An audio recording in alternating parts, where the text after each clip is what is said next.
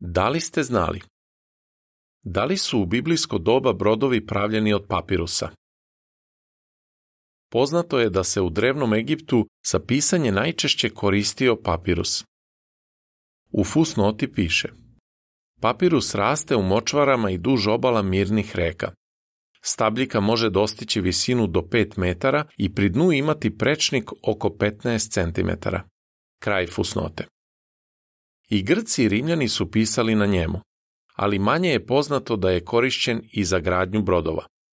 Previše od 2500 godina prorok Isaija je napisao da narod koji živi na području etiopskih reka šalje poslanike morem u brodovima od papirusove trske.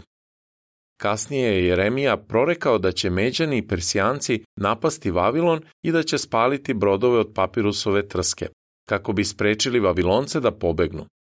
Isaija 18.1 i 2 i Jeremija 51.32. Biblija je nadahnuta od Boga i zato oni koji je čitaju i proučavaju nisu iznenađeni što su arheolozi pronašli dokaze da je u biblijsko doba papirus stvarno korišćen za gradnju brodova.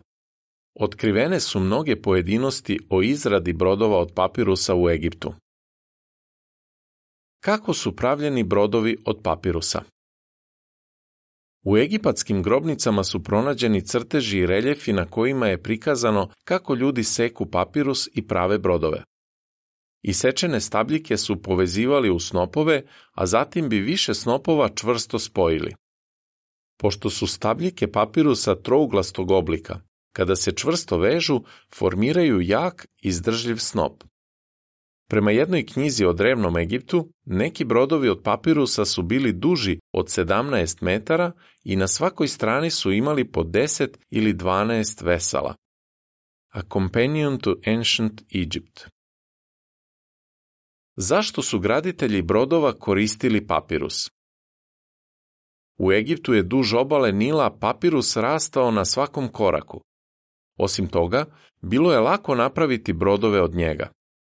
Čak i nakon što su brodovi počeli da se grade od drveta, ribari i lovci su i dalje koristili splavove i čamce od papirusa. Brodovi od papirusa su korišćeni vekovima. Na osnovu zapisa grčkog istoričara Plutarha od oko 46. do 120. znamo da su se splavovi od papirusa koristili čak i u prvom i drugom veku nove ere. Kraj članka.